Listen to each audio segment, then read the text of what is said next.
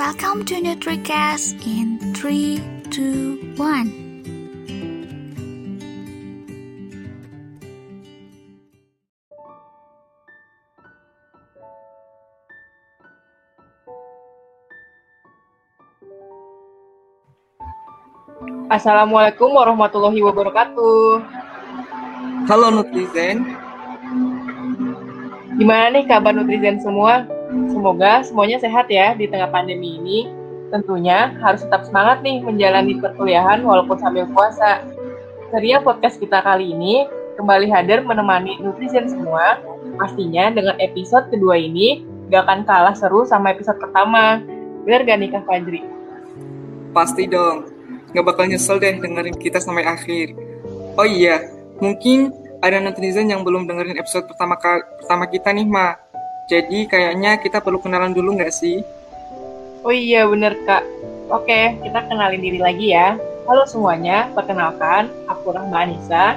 Di sini aku bakal nemenin netizen semua untuk beberapa menit ke depan nih. Tapi aku nggak sendirian loh. Di sini aku juga ditemani sama partnerku yang kece abis nih. Hai semuanya, perkenalkan aku Fajri. Senang banget bisa nemenin netizen semua di podcast kali ini. Nah kak, sebenarnya kita mau ngomongin apa sih kak di episode kedua ini? Oke Rahma, netizen semua pasti udah nggak asing nih dengar tentang ahli gizi di rumah sakit ya. Jadi untuk episode kedua ini, kita bakal mengulik seluk-beluk peran ahli gizi di rumah sakit nih, Ma. Wih, keren parah sih kak. Aku jadi nggak sabar. Sepertinya netizen di rumah juga udah nggak sabar nih kak Fadli. Semoga podcast kali ini bisa menjawab rasa penasaran netizen mengenai ahli gizi yang bekerja di rumah sakit. Oke, jadi siapa nih bintang tamu kita kali ini, Ma? Oke, nggak usah pakai lama-lama lagi, langsung aja kita kenalin narasumber kita. Narasumber kita adalah Kak Herviana. Beliau merupakan alumni gizi masyarakat angkatan 42 yang sekarang menjabat sebagai kepala instalasi gizi rumah sakit. Yuk, kita langsung saja menghubungi Kak Herviana. Halo Kak Herviana. Halo, Sebelumnya aku mau mengucapkan terima kasih ke Kak Herviana karena sudah bersedia hadir di podcast kami Kak. Terima kasih Kak Herviana. iya sama-sama. Terima kasih juga kesempatannya yang telah diberikan pada saya untuk hadir dan bergabung dalam podcast sore ini. Iya kak, sebelumnya perkenalkan kak saya Rahma dari Gizi 56 dan Kak Fajri dari Gizi 55. Salam kenal kak. Iya, salam kenal Rahma dan Fajri. Halo Kak Herviana, gimana kabarnya hari ini, Kak? Alhamdulillah baik. Alhamdulillah ya kak. Mungkin sebelum kita masuk ke topik obrolan kali ini, saya mempersilahkan kakak untuk memperkenalkan diri terlebih dahulu agar netizen di rumah lebih mengenal kakak lagi nih. Oke, terima kasih kesempatannya. Assalamualaikum warahmatullahi wabarakatuh. Selamat sore semuanya. Perkenalkan, namaku Herviana Ferazuma, biasa dipanggil Hervi.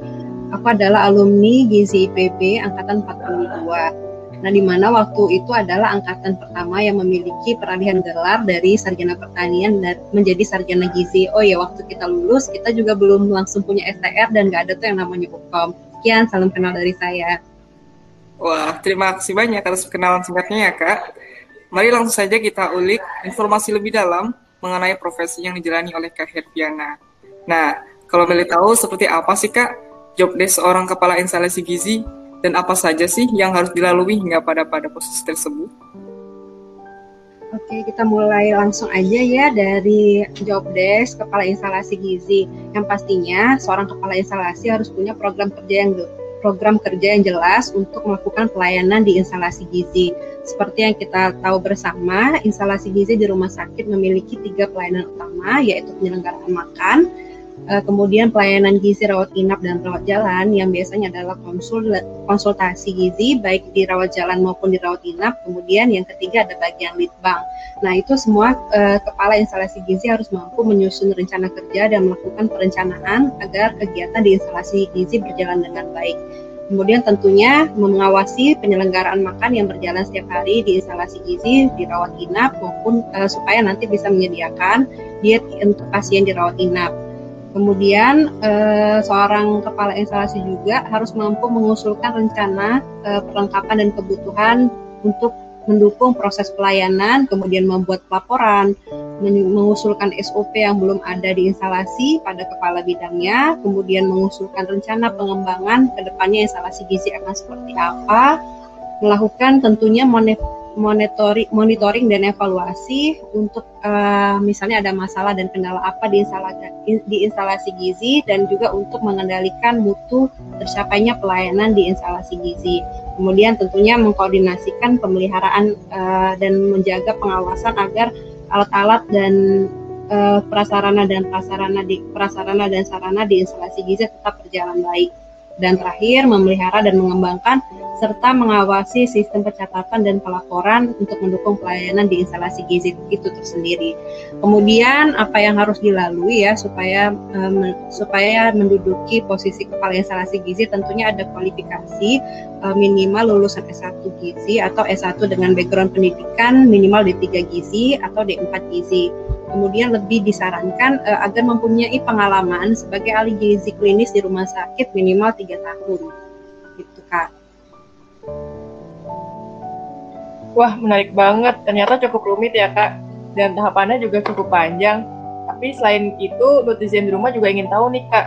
Sistem hmm. kerja di instalasi gizi seperti pembagian kerja, jam kerja, dan lain-lain dan lain-lainnya itu kira-kira seperti apa ya, Kak? Dan kalau boleh tahu, hmm. tantangan besar apa saja Kakak temui selama menjalani menjalani profesi ini, juga manfaat apa saja yang Kakak rasakan selama menjadi kepala instalasi gizi ini, Kak? Oke, jawab satu-satu dulu ya. Ya untuk sistem kerja di instalasi gizi, instalasi gizi tersendiri uh, untuk di RSUD Siti Fatimah. Kebetulan saya tadi lupa memperkenalkan nama rumah sakitnya ya. Saat ini saya menjabat sebagai kepala instalasi gizi di RSUD Siti Fatimah Provinsi Sumsel. Nah di RSUD kita itu terbagi masih dua shift karena terkendala oleh SDM-nya yang masih belum memungkinkan untuk dibagi menjadi tiga shift. Karena yang memang seidealnya itu tiga shift. Nah kalau di kita itu pembagian kerjanya dua dibagi dua shift, shift pagi dan shift siang yang masing-masingnya itu terbagi menjadi 8 jam eh, jam kerja. Nah untuk tugasnya tersendiri karena ada lintas profesi di situ yaitu ada ahli gizi, pramusaji, pengolah dan planning service. Jadi masing-masing bekerja sesuai dengan tupoksinya. Tadi sudah disinggung ya bahwa kegiatan di instalasi gizi terbagi menjadi kegiatan utama yaitu pelayanan gizi rawat uh, jalan dan rawat inap. Nah, untuk dirawat jalan itu ada konsultasi gizi bagi pasien-pasien poli yang dirujuk oleh dokter spesialis. Jadi misalnya nih ada pasien uh, yang mengalami pasien dengan gangguan ginjal misalnya. Nah, nanti dokter spesialisnya jika dirasa memang membutuhkan uh, konsultasi gizi, maka mereka akan menghubungi ahli gizinya. Nah, di situ peran ahli gizi memberikan konseling gizi untuk di poli rawat jalan. Sedangkan kalau untuk dirawat inap, ahli gizi ruangannya yang tugas biasanya ahli gizi klinik uh, minimal D3 untuk pengala untuk kualifikasi pendidikannya yang sudah melalui tahapan yang namanya kredensial. Jadi sebelum mereka terjun uh, mereka harus mempunyai semacam legitimasi gitu dari atasannya ya, bisa jadi bisa jadi dari seniornya atau misalnya dari KNC sendiri untuk uh, dinilai apakah mereka mampu melakukan asuhan gizi di rawat inap.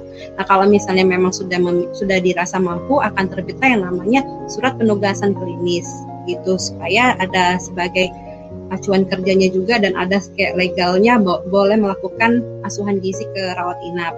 Nah, jadi nanti di sini ahli gizinya akan memberikan asuhan gizi um, yang kayak kalau kalian udah pelajarin di mata kuliah dietetik ya melakukan adime di sana. Jadi mulai dari screening, melakukan assessment, dan nanti mau di, seperti apa melakukan assessment gizinya, intervensinya seperti apa, monefnya. Nah itu yang ahli gizi ruangan yang dirawat inap lakukan. Nah nanti uh, selain itu juga ada yang namanya ahli gizi ruangan yang bertugas di bagian penyelenggaraan makan.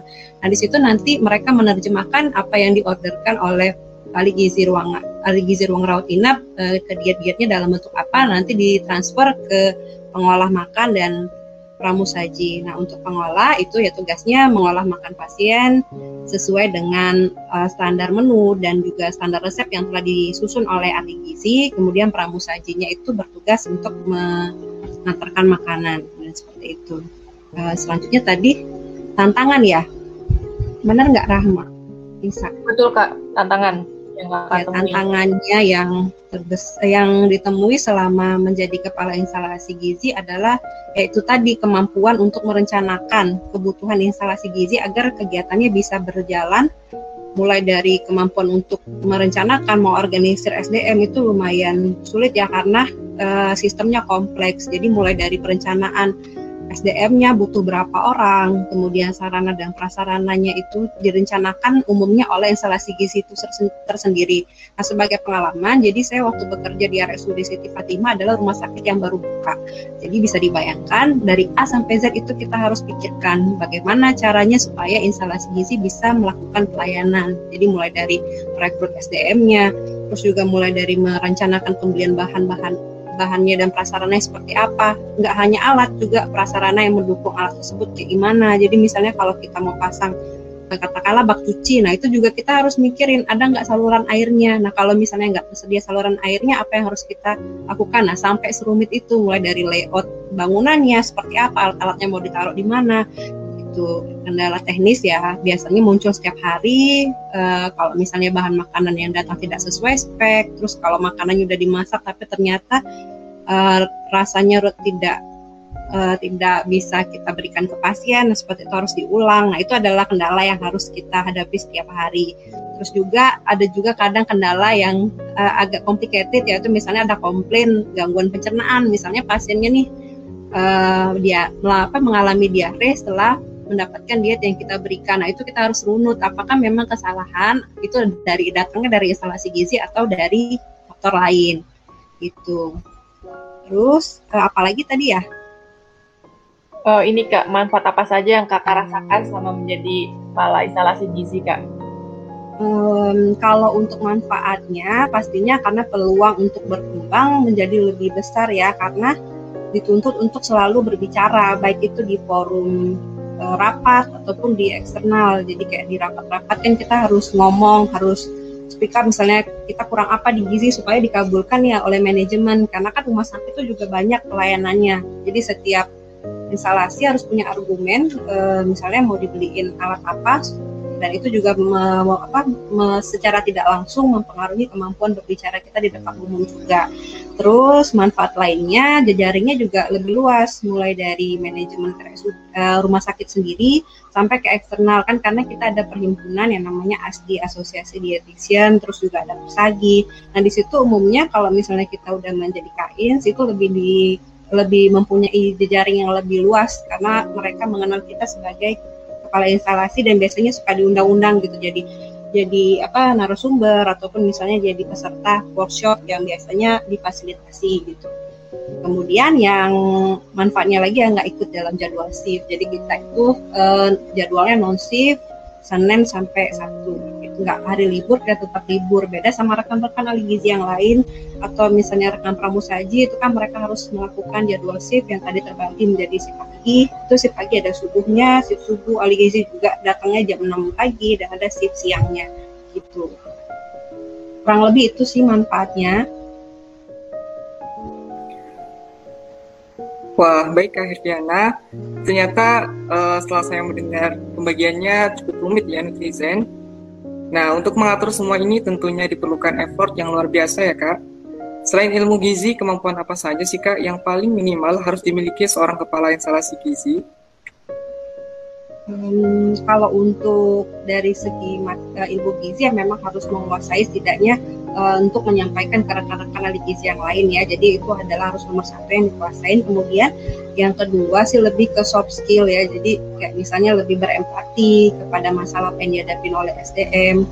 Kemudian uh, kemampuan untuk berkomunikasi juga harus lebih lah ya dibandingkan yang lain karena kita juga bukan hanya berpikir e, menemukan masalah gimana tapi juga berhadapan dengan banyak orang karena di instalasi gizi tersendiri walaupun kesannya oh cuma melakukan kegiatan penyelenggaraan makan tapi di situ banyak SDM-nya dan mereka itu biasanya punya masalah karakteristik dan pribadi masing-masing yang itu harus kita arrange juga. Jadi menurut saya yang paling penting selain menguasai hard skill juga soft skill kemampuan berempati dan berkomunikasi dengan baik. Jadi kalau ada masalah lebih baik diutarakan daripada didiamkan untuk ketemu langsung solusinya. Karena kadang-kadang di instalasi gizi itu ada kesenjangan antara ahli gizi dan pengolahnya dan pramusajinya nah itu harus pintar-pintar memilah eh, masalah-masalah dan prioritas mana yang harus diselesaikan Wah, sangat menarik ya netizen semua. Setelah mendengar cerita dari Kak Herviana, Nutrizen yang ingin menjadi ahli gizi di rumah sakit bisa langsung menyiapkan diri dari sekarang ya. Baik Kak, sepertinya kita cukupkan untuk pertanyaannya. Untuk menutup podcast ini, mungkin dari Kak Herviana ada pesan untuk calon sarjana gizi yang sedang menyimak podcast ini Kak? Oke, baiklah pesannya adalah untuk kalian, para calon ahli gizi nantinya yang ingin bekerja di rumah sakit, itu adalah tentang passion dan rasa ya uh, itu nanti pilihan apakah ini mengambil di bidang klinis ataupun di bidang food uh, food food management ya karena di rumah sakit itu kita juga selain dituntut untuk selalu belajar mengenai diet dan harus juga berinteraksi dengan profesi lain mengikuti ronde dokter belum lagi ada nanti kita bekerja sama dengan seorang dokter spesialis gizi klinik. Nah itu kita harus tidak hanya cukup dengan uh, tidak cukup hanya memiliki wawasan mengenai diet tapi emang harus mendalaminya dan harus belajar setiap uh, setiap saat ya. Karena uh, ilmu itu kan khususnya ilmu klinis itu berkembang terus dan apa sering-sering baca jurnal, sering-sering juga tanya pengalaman senior-seniornya di rumah sakit seperti apa supaya bisa nanti su dalam tanda kutip survive ya lah ya di di rumah sakit. Karena memang melibatkan lintas profesi dan juga kadang untuk se, uh, se apa masalah salarynya juga agak sedikit lebih rendah dibandingkan teman-teman kita yang bekerja di industri pangan. Jadi emang itu kembali lagi ke masalah passion dan kembali lagi ke masalah rasa yang ada di profesi masing-masing untuk bisa uh, bisa tetap mencintai dan selalu belajar untuk menjadi seorang ahli gizi klinik yang baik. Baik Kak, terima kasih banyak Kak Hertiana telah berkenan untuk berbincang bersama kami. Pastinya semua informasi yang disampaikan dapat memotivasi dan membakar semangat para calon ahli gizi yang tertarik untuk menjadi ahli gizi di rumah sakit. Betul banget Rahma. Terima kasih banyak ya Kak atas kesempatan berharganya. Semoga Kak Herviana beserta keluarga diberi kesehatan selalu.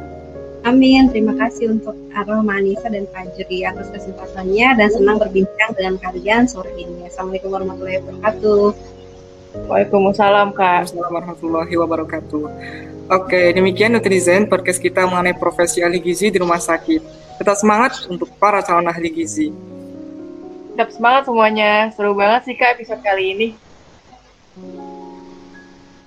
Oke, betul banget Rahma. Jadi sekian netizen podcast untuk hari ini. Saya Fazi dan rekan saya Rahma, pamit undur diri. Sampai jumpa di podcast selanjutnya dengan pembahasan yang lebih menarik lagi. Dadah. Assalamualaikum warahmatullahi wabarakatuh.